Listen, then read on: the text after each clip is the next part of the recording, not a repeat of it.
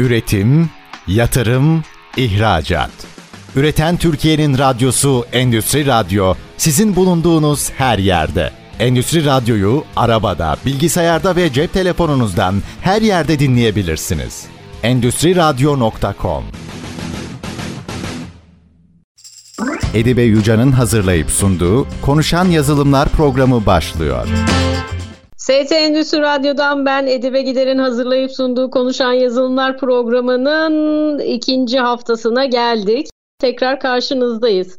Konuşan Yazılımlar programı aslında yazılımların ve teknolojinin hızla geliştiği bir Türkiye yaşıyoruz. Özellikle pandemiden sonra bu ivme çok daha hız kazandı. Her gün yeni bir teknoloji ve yeni bir dizayn, yeni bir tasarım, metaverse'ler, yapay zekalar, chat GPT'ler bir sürü bir sürü teknolojilerle e, ilgili yayınlar yapıyoruz. Fakat insan kaynaklarının önemini de ben her zaman burada vurguluyorum size.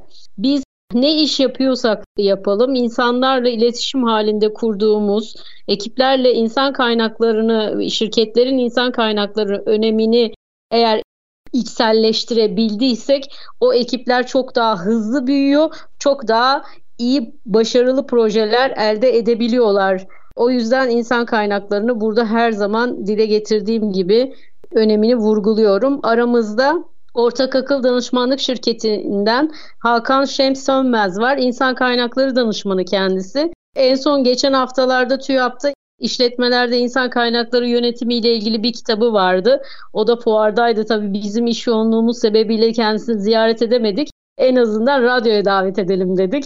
Hakan Bey hoş geldiniz. Nasılsınız? Umarım iyisinizdir. Hoş bulduk. Çok teşekkür ediyorum. İyiyim. İyi olmaya çalışıyoruz. Gayet iyiyim. Öyle söyleyeyim. Yeni bir kitap, yeni bir heyecan, yeni bir iş dünyasına vizyon katabileceğim bir kitap yazdım, hazırladım ve iş dünyasına sundum. Çok teşekkür ediyorum. Daha iyi olacağız inşallah iş dünyasıyla beraber. Evet, Hakan Sönmez ve abisi Yılmaz Sönmez'le beraber aslında uzun yıllardır Ortak Akıl Danışmanlık Şirketi çatısı altında firmaları daha kurumsal bir yapıya getirme çabasıyla büyük bir emek veriyorlar aslında. Ve insan kaynaklarını konuşacağız bugün. Biz Türkiye'de insan kaynakları geçen bir toplantıda da konuştuk sizinle. Bizim ülkemizde sanırım insan kaynakları tam olarak oturmadı. Bazı firmalarda, Kobi gibi firmalarda o departman hiç yok bile. Bununla ilgili başlamadan bu sürece böyle birazcık da dertliyim ben meslek icabı muhasebe departmanlarında görev yaptığım için geçmiş yıllarda. Şu anda da danışmanlık yaptığım için gözlemlerim çok parlak değil insan kaynakları ile ilgili. Biraz konulara çok irdelemeden, çok derinlemesine girmeden Hakan Bey e, ben sizi tanıyorum ama sizi tanımayan dinleyicilerimiz de sizi tanısın istiyorum bu ilk bölümde. Biraz biraz bu bölümde kendinizi tanıtarak başlarsak akabinde dertlendiğimiz konularla ilgili söyleşimize başlayabiliriz. Buyurun söz sizde. Şems Hakan Sönmez ben. Uzun yıllar farklı sektörlerde medikal muhasebe, muhasebe, planlama birimlerinde çalıştım. Endüstri mühendisiyim. Yüksek lisans yaptım. Ee, yüksek lisansı da aile şirketlerinde insan kaynakları yönetimi üzerinde tamamladım. 2010 yılından itibaren Ortak Akıl Yönetim Danışmanlık firmasının bünyesinde insan kaynakları danışmanı olarak e, çalışıyorum. Amaç burada şirketlerin kişilere bağlı kalmadan sürdürülebilir bir yapıyı entegre etmek şirketler için hem kurumsallaşmış bir şirketin altyapısını oluşturmak hem de sistemin kişilere bağlı kalmadan sürdürülebilirliğini denetlemek hem raporlama sistemini entegre etmek gibi süreçlerle ilgileniyorum. Çok okuyan, meraklı, kendini geliştiren dünyadaki, iş dünyasındaki gelişmeleri, değişimleri sürekli irdeleyen, biz bu değişimleri şirketlerimizde Türkiye ekonomisine nasıl entegre edebilirizle ilgili sürekli makale okuyan, yurt dışındaki şirketlerin nasıl yönetilebilirliğini araştıran bir yapıdayım ve kendimi sürekli güncel tutuyorum. Kendimi sürekli şirketler için hazır tutuyorum. Böyle bir kişiliğim var, merakım var. Aynı zamanda bilir kişiyim. Aynı zamanda grafoloji uzman, uzmanıyım. Çünkü bunu insan kaynaklarındaki süreçlerle beraber entegre etmek istiyorum. Böyle bir sürecim var. Evet Hakan Bey. Peki neler görüyorsunuz Türkiye'deki işletmelerde insan kaynakları yönetimi hangi aşamada? Biraz mevcut durumla bir giriş yapalım. Akabinde size yine sorular yönelteceğim. Onun üzerine devam edeceğiz. Türkiye'deki şirketlerin yani insan kaynakları birimine baktığımız zaman KOBİ ölçekli işletmeler veya makro ölçekli işletmelerdeki insan kaynaklarının süreçleri hepsi aynı. Burada sadece patronun vizyonun vizyona bakış açısı önemli. Patron şirketini nerede görmek istiyor? Patron günübirlik mi şirketini yönetmek istiyor veya 5 yıllık, 10 yıllık, 20 yıllık bir şirket mi düşünüyor? Burada şirketin e, yani patronun vizyonu devreye giriyor. Patron günübirlik düşünüyorsa, sadece satışını düşünüyorsa, sadece ayın 20'sindeki KDV muhtasar beyannamelerini düşünüyorsa veya ay sonundaki çeklerini düşünüyorsa çok fazla insan kaynakları süreçlerini dikkate almıyor. Ama şirket patron şirketini 20 yıl bir markalaşma sürecinde görmek istiyorsa, global bir şirket halinde görmek istiyorsa, uluslararası küresel bir marka halinde görmek istiyorsa bu sefer insan kaynaklarına bakışı daha farklı oluyor. KOBİ ölçekli işletmelerdeki insan kaynakları patronlar için maliyetli bir kavram olarak adlandırılıyor. Yani en az 50 çalışan bir şirkette bir insan kaynakları birimi olması gerekirken herhangi bir departman yok. Sizin de dediğiniz gibi daha çok muhasebe birimi tarafından kontrol ediliyor. Bu da daha çok bodro yani ücret bodrosunun takip edilmesi, PDKS sisteminin takip edilmesi veya personel işe gelmediği zamandaki o akışın proseslerinin takip edilmesi, savunmasının takip edilmesi, işe alımın takip edilmesi gibi daha çok kağıt üzerinde operasyonel bir süreç olarak adlandırılıyor. Ama dünya bazına baktığımız zaman dünyadaki küresel şirketlerin insan kaynakları departmanlarını incelediğimiz zaman bu işlem daha çok insan kaynakları yönetim birimi olarak adlandırılıyor. Yani burada ben bir personeli aldığım zaman bana 5 sene sonra nasıl bir fayda sağlayabilir? Ben bu personeli verimlilik bazında performans değerlendirme sisteminde nasıl entegre edebilirim? Ben bu performans sistemine göre de eğitim planını, kariyer planını, ücretlendirme statüsünü nasıl yapabilirimle ilgili çalışmalar yapıyor. Tabii Türkiye'deki geçen haftalarda da açıklanan Türkiye'nin ilk 500 şirketini de incelediğimiz zaman bazı şirketlerimizde bu tür insan kaynakları yönetimi yavaş yavaş oturmaya başladı. Yavaş yavaş oturmaya başladı. Bizler ne kadar dev firmalar, dev markalar gibi adlandırsak da gözümüzde büyütsek de markasını ama içeriğine baktığımız zaman daha çocuksu bir insan kaynakları birimi var burada. Halen bir işe alımı oturtulmadığı, yazılı bir işe alım prosedürün gerçekleşmediği, insan kaynakları biriminin yazılı hale, dokümantasyon olarak kullanılmadığı departmanlar olarak karşımıza çıkmaktadır. Tabi bu da dediğim gibi patronun alaylı sürecinden gelmesiyle ilgili. Yani patron şirketini kurduğu zaman daha çok satış pazarlama ve üretim bazından gelmiştir ve şirket büyüdüğü zaman şirketle beraber ciro da büyüyor. Şirketle beraber çalışan sayısı da büyüdükçe patron daha çok şirketin nasıl daha iyi kara getirebilirimi düşünüyor. Diğer tarafta şirketin yönetimsel tarafını, insan kaynakları birimini göz ardı etmeye çalışıyor. Burada bize çok büyük işler düşmeye başlıyor veya insan kaynakları birimine çok büyük işler düşüyor.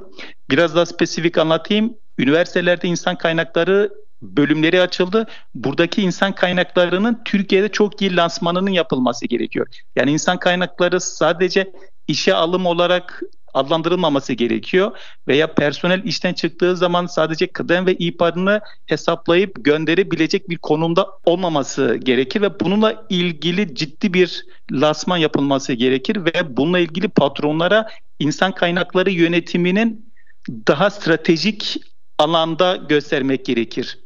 Bununla ilgili eğer biz çalışmalar yaparsak ve çalışan arkadaşlar da insan kaynakları biriminde çalışan arkadaşlar da bu şekilde insan kaynakları birimini tanıtmaları gerekir. Görev tanımlarını çok net bir şekilde ama görev tanımlarını stratejik insan kaynaklarına göre planlamalar yapmaları gerekir.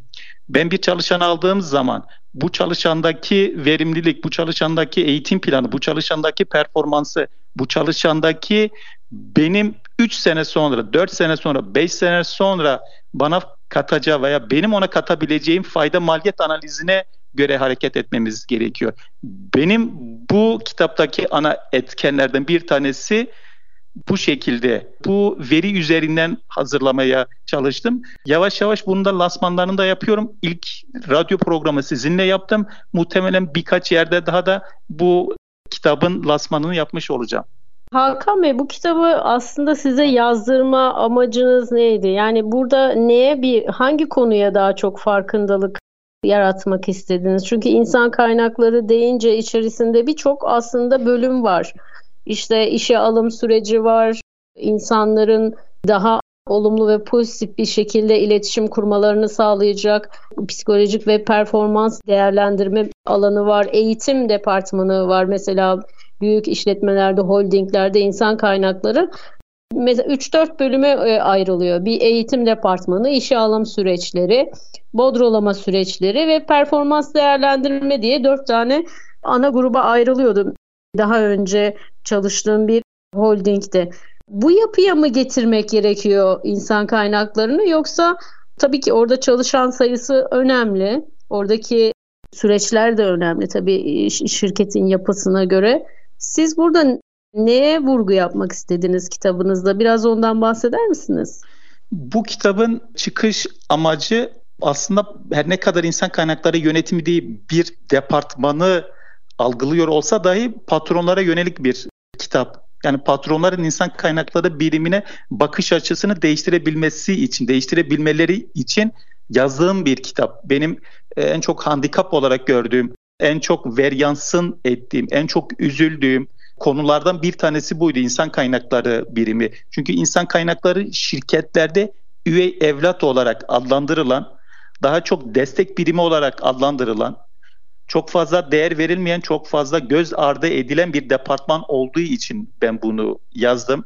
Tabii içeriğine baktığımız zaman ise insan kaynaklarının burada görev tanımları, statüsü, yetkileri, organizasyon şeması şirkete neler katabileceğiyle ilgili bölümler ve süreçler var burada. Tabii insan kaynakları deyince sadece bir işe alım veya personel özlük dosyasını tutmaktan ziyade sizin de dediğiniz gibi bir kariyer planlaması, bir personelin bir kariyer planlaması. Çünkü burada bir personelin kariyer planlamasını yaptığınız anda aslında siz şirketin de kariyer planlamasını yapıyorsunuz. Çünkü şirketi belli bir yere getiren, markalaştıran, uluslararası bir marka haline getiren, kaliteli ürün üreten içerideki insanlardır, içerideki çalışanlardır, yöneticilerdir, müdürlerdir, ustalardır, çıraklardır. Yani toplamına baktığımız zaman insan kaynaklarıdır. Bu insan kaynaklarını yetiştirdiğiniz zaman, eğitim verdiğiniz zaman, eğitim eksikliklerini giderdiğiniz zaman hem mesleki eğitim hem de kişisel gelişim eğitimler yani kişisel gelişimine baktığımız zaman liderlik, karar verme, problem çözme, çatışma yönetimi, ilişki yönetimi, iletişim, takım olma, ekip ruhu gibi eğitimlerle vererek bir farkındalık oluşturuyorsunuz. Bu farkındalıkla beraber şirketi de belli bir seviyeye getiriyorsunuz. Eğer şu anda Türkiye'deki dev firmalar belli bir yere gelmişse bu sadece sattıkları ürünler beraber değiller yani. İçerideki çalışanın vizyonuna göre içerideki çalışanın misyonuna göre belli bir seviyeye gelmiştir. Amerikalı bir yönetim danışmanı James Collins'in güzel bir cümlesi var, güzel bir kelimesi var diye. Bir şirket otobüse benzer diyor. Belli bir hedefe doğru gidiyordur zaten. O hedef bir vizyonudur.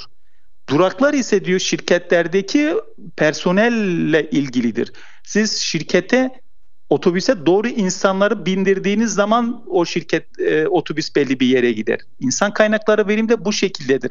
Yani personel devir oranlarının çok yüksek olan bir şirketteki süreç ile markalaşma ile kaliteli ürün üretmek ile personel devir oranı çok düşük olan bir şirketin de şeyleri kıyaslama yaptığınız zaman personel devir oranı düşük olan şirketin mutluluğu daha çok yükseğe geliyor. Ve son zamanlarda şirketler personellerini daha mutlu, daha çalışkan, daha verimli, daha performans odaklı çalışabilmeleri için Şirket içerisinde insan kaynakları biriminin yanına farklı birimler oluşturmaya çalıştılar. Kurumsal gelişim, işte duygusal yönetimi, duygu yönetimi, çalışan mutluluğu veya çalışma saatlerindeki azaltma 5 günlük olan çalışma saatlerini 4 güne indiriyor. Amaç insan kaynaklarını mutlu etmek, insan kaynaklarının beyin altyapısını biraz daha yükseğe çekmek veya şirketin vizyonuna göre çalışanı da entegre edebilmek. Yoksa kobi ölçekli işletmeler veya merdiven altı olarak yönetilen şirketlerdeki çalışan sayısı her ne kadar 100 tane 200 gibi algılansa dahi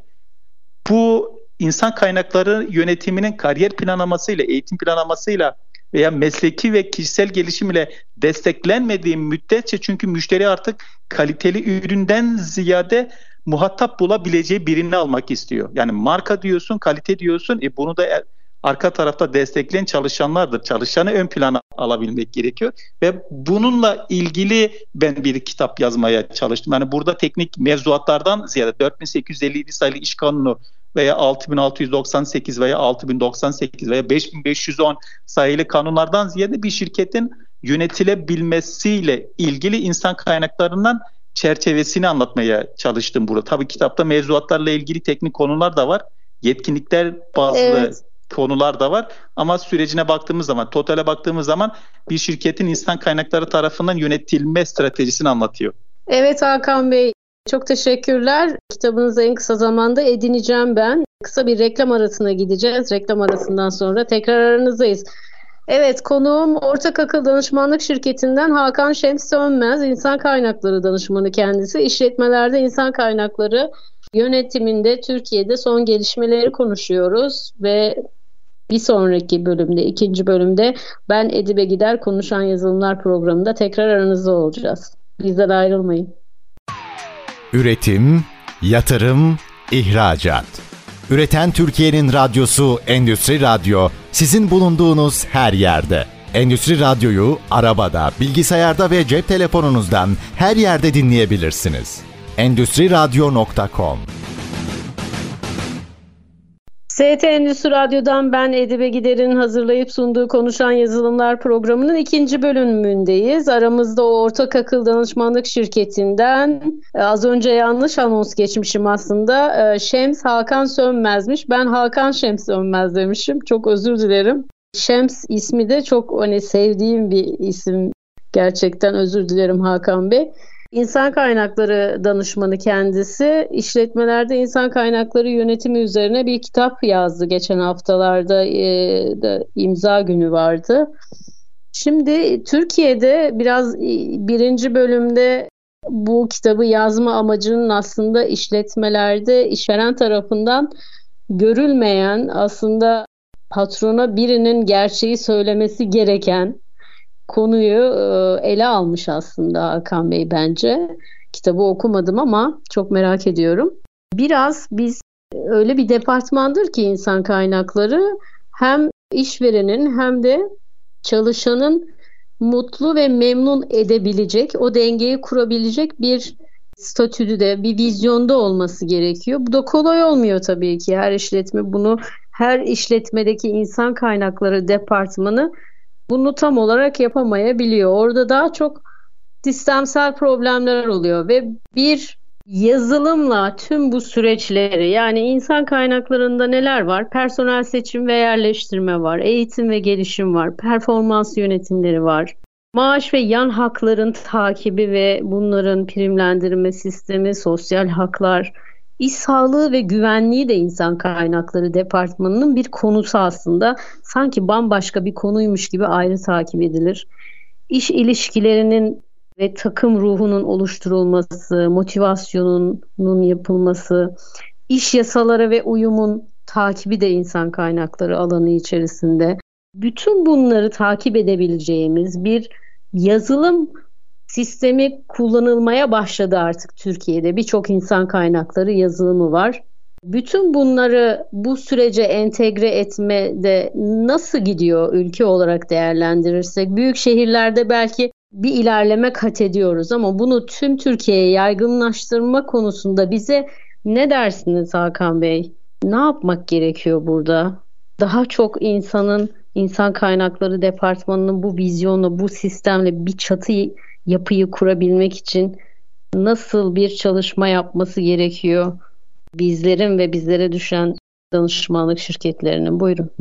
Şimdi insan kaynaklarından ziyade e, hani dijitalleşmeden bahsediyoruz. Türkiye dijitalleşmede Covid'le beraber ciddi bir atağa geçti. Çünkü daha çok hani Excel üzerinden bütün süreçler takip ediliyor. Sadece insan kaynakları değil, üretim planlama birimleri, satış raporları, pazarlama raporları, işte muhasebe, finans gibi yani şirketin bütününü kapsayan bütün süreçler Excel üzerinden takip ediliyordu. Yani her şeyiyle beraber. Şimdi pandemi bütün davranışsal yani tüketim davranışlarını değiştirdiği için de şirketler yavaş yavaş dijitalleşmeye geçti. Dijitalleşmeye geçtiklerini düşünüyorlar. Aslında ben onu söyleyeyim. Çünkü kurumsallaşamayan bir şirket, kurumsallaşamayan bir şirket veya kurumsal altyapısını hazırlayamayan şirketlerin dijitalleşmeye geçmeleri çok zor. Çünkü dijitalleşmenin altyapısını veya verisini kurumsallaşma kelimelerini adlandırıyor. Veriler adlandırmaya çalışıyor. Tabii burada da çok fazla mesafe kat ettiğimizi düşünmüyorum. Yavaş yavaş gelmek en azından bu bir vizyon açısı sağlanmış oldu. Yani önce verilerin dokümantasyona alınması gerekiyor. Bütün departmanların verilerin dokümantasyona alınması gerekiyor. Bunların yorumlanması gerekiyor. Ondan sonra hangi sektörde kullanılacaksa, hangi sektörün en iyi ERP'si hangisi ise bu sefer işletmeler o sektördeki şeyi almaya çalışıyorlar. ERP'yi almaya çalışıyorlar. İnsan kaynakları birimine baktığımız zaman bütün şirketler bir üretim planlamayı veya muhasebe finansı dijitalleşmeye almaya çalıştı. Yani ERP kullanmaya çalışıyorlar. İşletmeler önce zaten bir muhasebeyi entegre etmeye çalıştılar dijitalleşmede. Sonra depo stoğunu kontrol altına bilmeleri için modülünü depo stoğa aldılar. Sonra üretim planlama en son insan kaynaklarına dönüyorlar. Çünkü insan kaynaklarından neyi dijitalleştirebiliriz gibi düşünmeye çalışıyorlar. Ama dediğim gibi pandemi ciddi şekilde bir algı yönetimini değiştirmeye çalıştı ve patronlar da organizasyon şemasından en alt kademedeki bir birimin görev tanımlarını hazırlayıp daha önce Word yani ofis programı üzerinde hazırlarken şimdi dijitalleşme sürecini aktarmaya çalıştı. Yani şirketin kullanmış olduğu ERP sürecini aktarmaya çalıştılar. Tabii bunu aktarmaya çalışırken de eğitim planını, performansını, ücretini, ücret skalasını ve devamsızlık, yıllık izinin, mesailerini, PDKS sistemini de yavaş yavaş oraya entegre etmeye çalıştı. Daha önceki hiçbir ERP'yi kullanmayan işletmeler bile yavaş yavaş ERP'yi kullanmaya çalıştılar. İnsan kaynakları birimini entegre etmeye çalıştılar ve en önemlisi de performans yönetim sistemiyle ilgili veriler hazırlamaya başladılar. Ben birini, bir personeli denetleyebilmem için performansını ve bunu da sistem üzerinden oluşturmam gerekiyor. Daha çok kağıt israfı, tasarruf israfı veya şirketin bir bütün olarak görebilmem için dijitalleşme sürecine adım adım yaklaşıyorlar. Tabii tam istenilen seviyede de değil. Yani şirketin dijitalleşmesi ve insan kaynaklarının dijitalleşmesi istenilen seviyede değil ama en azından bir farkındalık oluştu, bir algı oluştu, bir yönetim sistemleri tarzı oluştu ve bununla ilgili ciddi bir çaba, ciddi bir arayış içindeler, ciddi bir eğitim personeller üzerinden alınmaya başladı ve şirketi insan kaynakları birimi üzerinden dijitalleşmeye çalışıyorlar. Biraz aslında bir hata var orada. Dijitalleşmeden önce dediğim gibi kurumsallaşması gerekiyor. Kurumsallaşma kelimesinde bile çok kullanıldığı için eski önemini yitirmeye başladı. En azından şirketteki verilerin belli bir kağıt, belli bir dokümantasyon üzerinden, dokümantasyon sistemi üzerinde hazırlanıp ondan sonra dijitalleşmeye geçmeleri gerekiyor. Pandemi dediğim gibi tüketici davranışlarını değiştirdi ama dijitalleşme konusunda şirket ve ekonomi olarak veya şirketler o istenilen seviyede değil. Yani insan kaynakları gözüyle baktığımız zaman dijitalleşme seviyesinde değilin ana etkeni ise departmana yani insan kaynaklarını sadece bir departman olarak gördüklerinden dolayı bir sürü iş ilanları vardır insan kaynaklarının süreçleriyle ilgili. Ee, ama bir satışın ilanı ile insan kaynaklarının ilan arasında ciddi bir şey var. Başvurular var ama patronun birinci önceliği her zaman pazarlama olmuştur veya diğer departmanlar olmuştur. Bu da olunca da şirketin insan kaynakları gözündeki dijitalleşmesi bir adım geç kalıyor. Özet biraz konuyu dağıttım. Özet olarak yaptığımız zaman şirketler yavaş yavaş dijitalleşmeye geçiyorlar. Pandemiyle beraber bu dijitalleşme hızlandı ama insan kaynaklarının dijitalleşmesi biraz daha zaman zaman alacak. Çünkü insan kaynakları bakış açısı farklı. Halen şirketlerin muhasebe birimleri yani mali müşavir birimleri tarafından özlük dosyalara tutuluyor. İşe giriş çıkışları tutuluyor, PDKS sistemleri tutuluyor, ücret bodrolar hazırlanıyor. Bunun yavaş yavaş dijitalleşmeyle beraber şirket kendi bünyesine almış olacak. Evet daha önce muhasebe departmanları da mali müşavirlerin ofislerinde tutulan evrakların mali müşavirlere gönderilip onlar tarafından sadece beyan verilen bir sisteme dönüşürken artık firmalar muhasebelerin, genel muhasebelerin kendi bünyelerinde tutmaya başladılar ve mali müşavirler sadece kontrol ve iş denetim yapmak için gelip beyannamelere onay veriyorlar. Bu insan kaynakları süreçlerine de evrilecektir diye düşünüyorum ki birçok holdingde artık ERP'nin yanında insan kaynaklarını yöneten dijital çözümler de geliştirilmeye başlandı. Bunu daha küçük işletmelerde görmek nasıl sağlanır sizce? Mesela e-belge yönetiminde hükümetin eğer bir zorunluluğu olmadığı olmadan bu süreci biz gerçekleştiremedik ve e-belge yönetimini de tam olarak Türkiye doğru algılayamadı. Hala e-faturaların çıktılar alıp klasörlere yerleştiriliyor.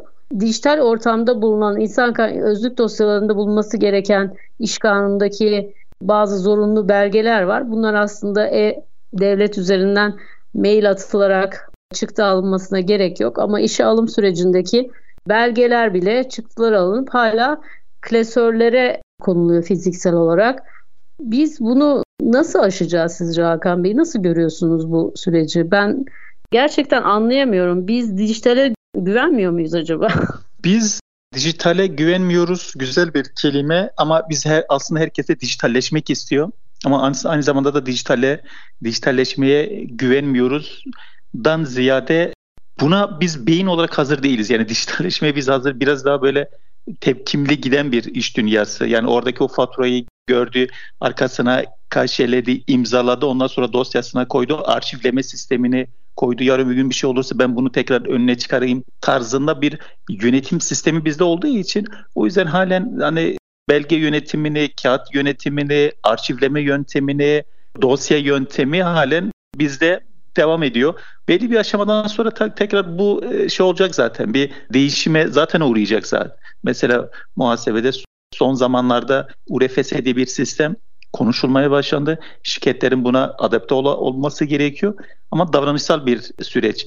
İnsan kaynakları süreçlerine baktığımız zaman yine mesela bütün evrakların e-devlet üzerinden çıktı alınabileceği bir sisteme entegre edilmişiz. Daha önce işe giriş evrakları için 3 gün 4 gün bütün şeyler dolaşılıyordu işte kaymakamlığa gidiliyordu, sapka kaydı alınıyordu, lise işte okuldan diploma alınıyordu gibi bunların bütün hepsi mesela devlet dijitalleşme sürecine girdi yavaş yavaş. Özlük dosyalardaki evraklar için e-devlet üzerinden alınabiliyor. Ama bunu biz Türk toplumu yani patronların biraz daha çaba göstermesi gerekiyor. Biraz daha güvenmesi gerekiyor. Biraz daha iş süreçlerine ve personeline güvenmesi gerekiyor. Güvenmediğinden dolayı veya o algısı orada olmadığından dolayı halen biz evrak üzerinden ofis programlarını kullanarak çıktılar alarak biz bunu yapmaya çalışıyor ama yeni yetişen bir nesil var. Z kuşağı, milenyum kuşağı, bilgisayar kuşağı diyorlar buna.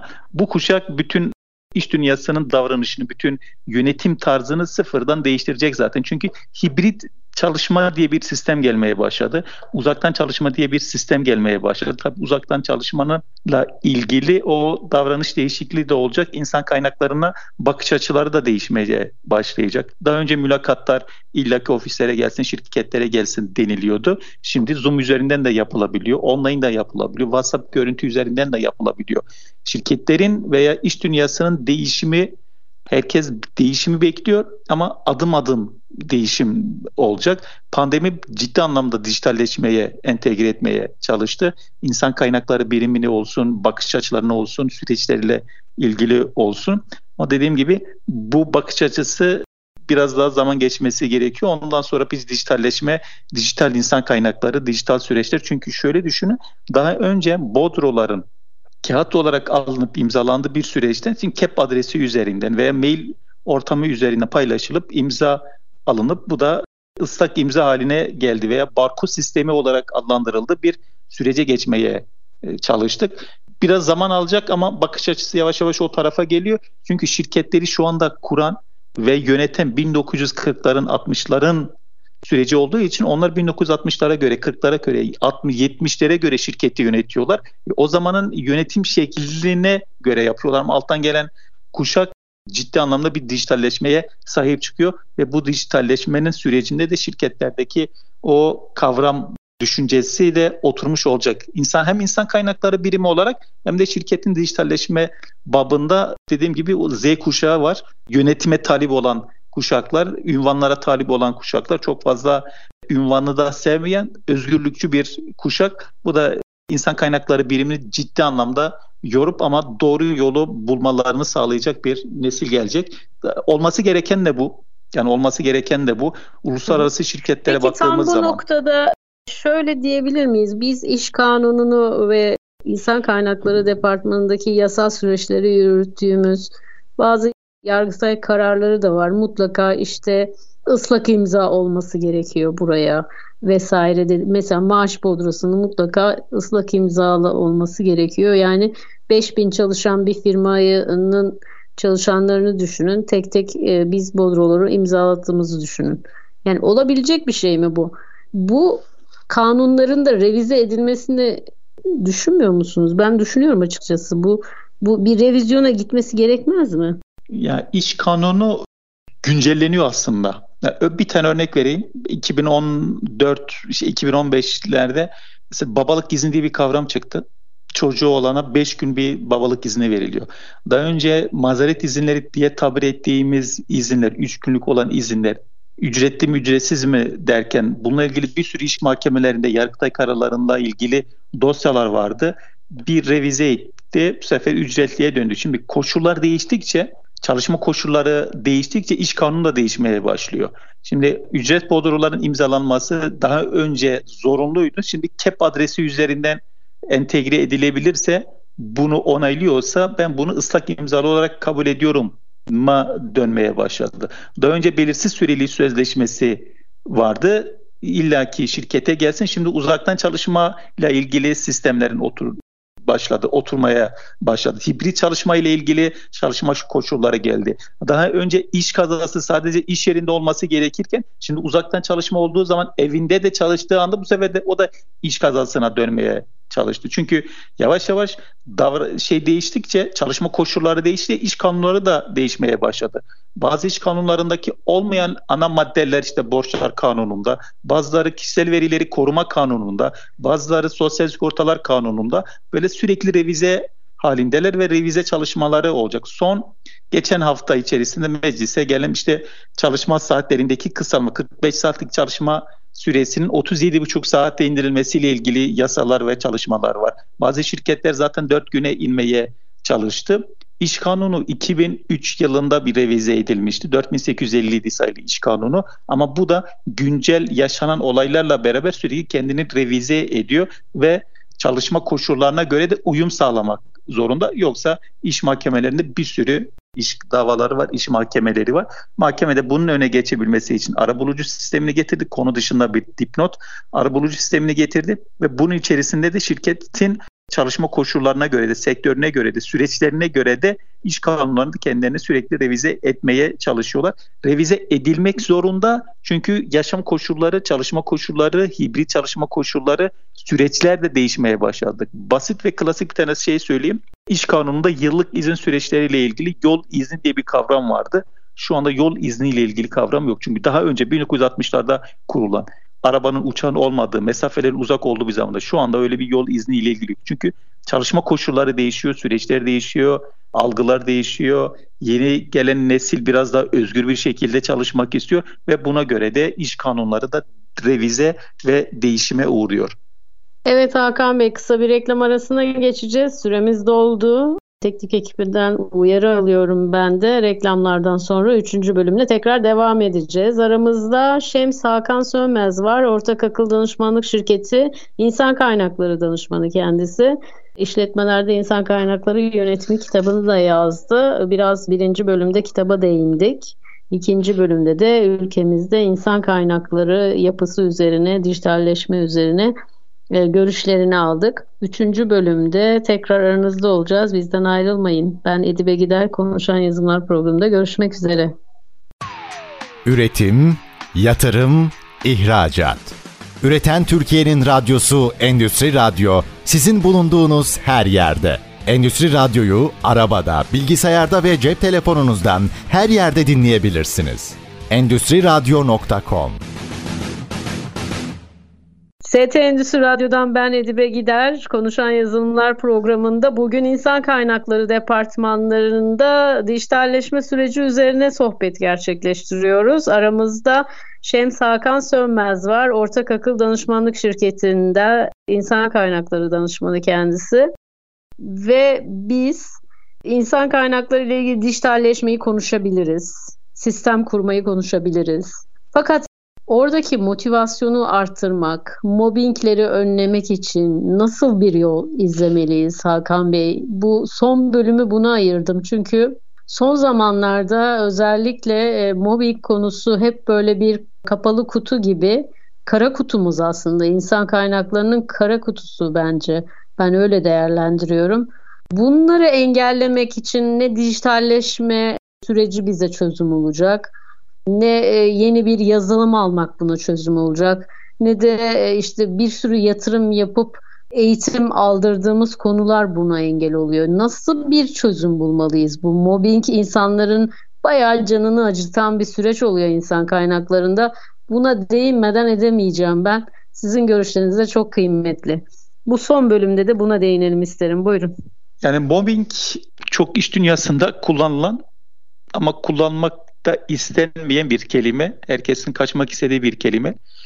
Ona farklı bir cümle cevap vereyim ben. Şimdi iş değiştirenlerin algoritmasına baktığımız zaman iş değiştirenlerin yüzde 70'i veya yüzde 80'i yöneticisinden dolayı iş değiştiriyor ve işten çıkış mülakatlarına baktığımız zaman yani ne maaşından ne servisinde ne yemeğini ne de görev tanımında.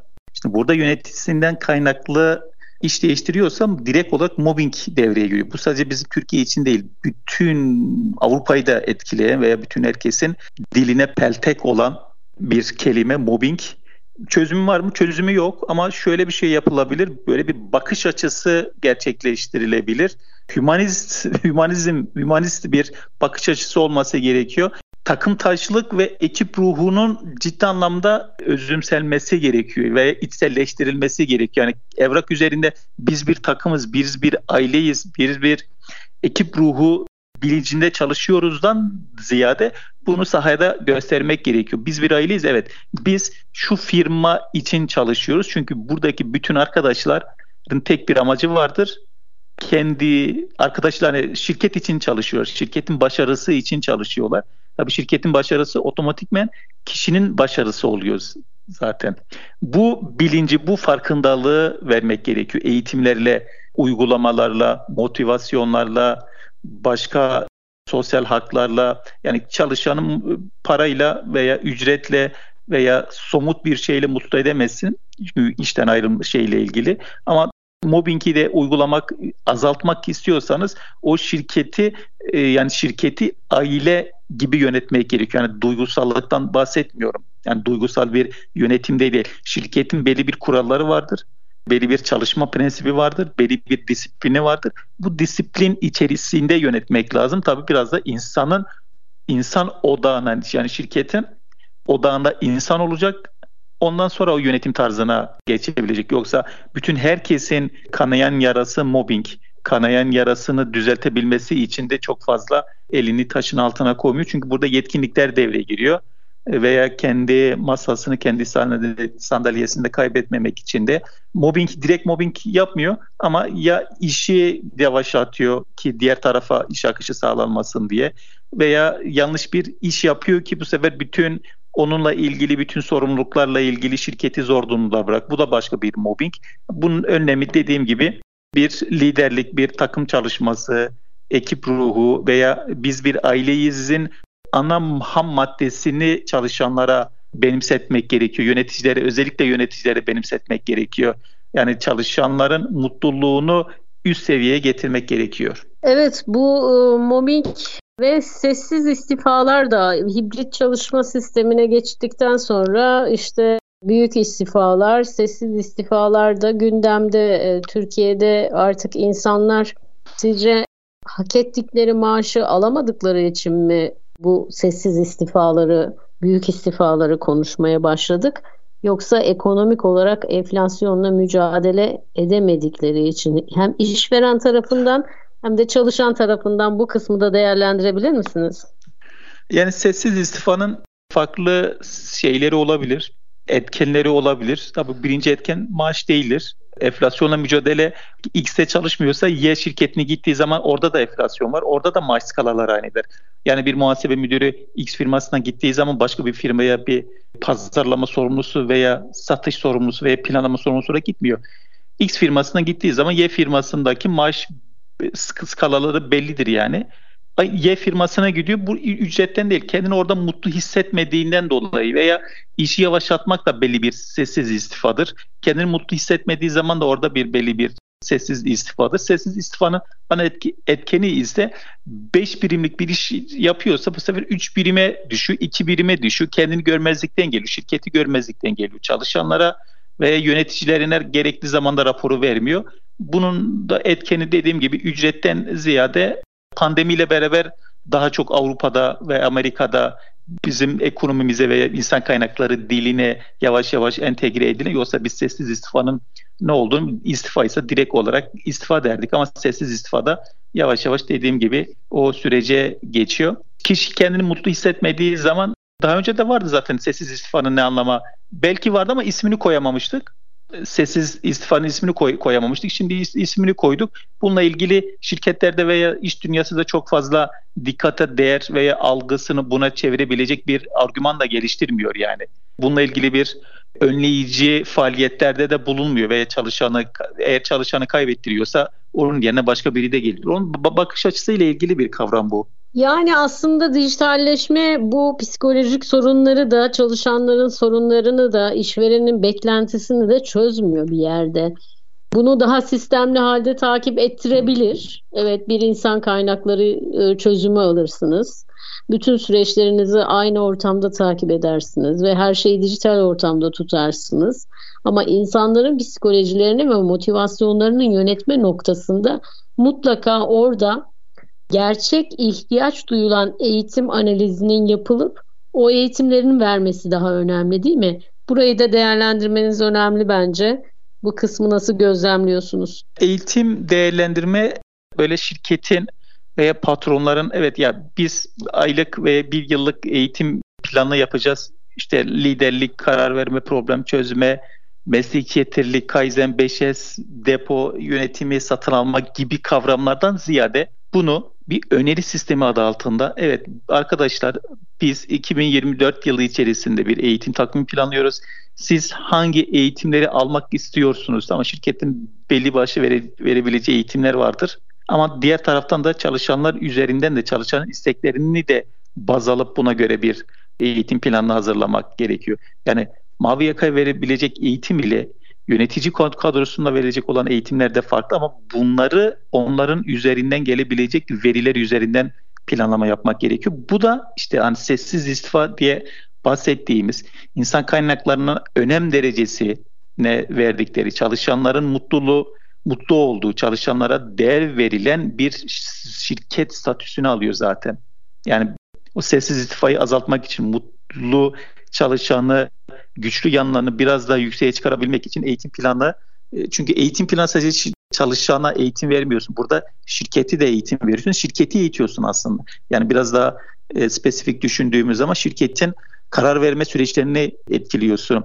Şirketin raporlama eğitimlerini, raporlama birimlerini eğitiyorsun. Şirketin veri analizlerini eğitmeye çalışıyorsun. Bu eğitim süreçleriyle beraber de tabii dijitalleşen bir şirket, mutlu bir şirket, eğitimli bir şirket, kurumsal bir şirket, markalaşan bir şirket olunca da şimdi soruyu soruyorsun. Nerede çalışmak istiyorsun? Marka bir şirketi. Marka bir şirketi de belli bir yere getir yine çalışanlardı oradaki disiplinde, oradaki kültür, oradaki kurum kültürüydü. Oradaki eğitim ihtiyaç analiziydi yani.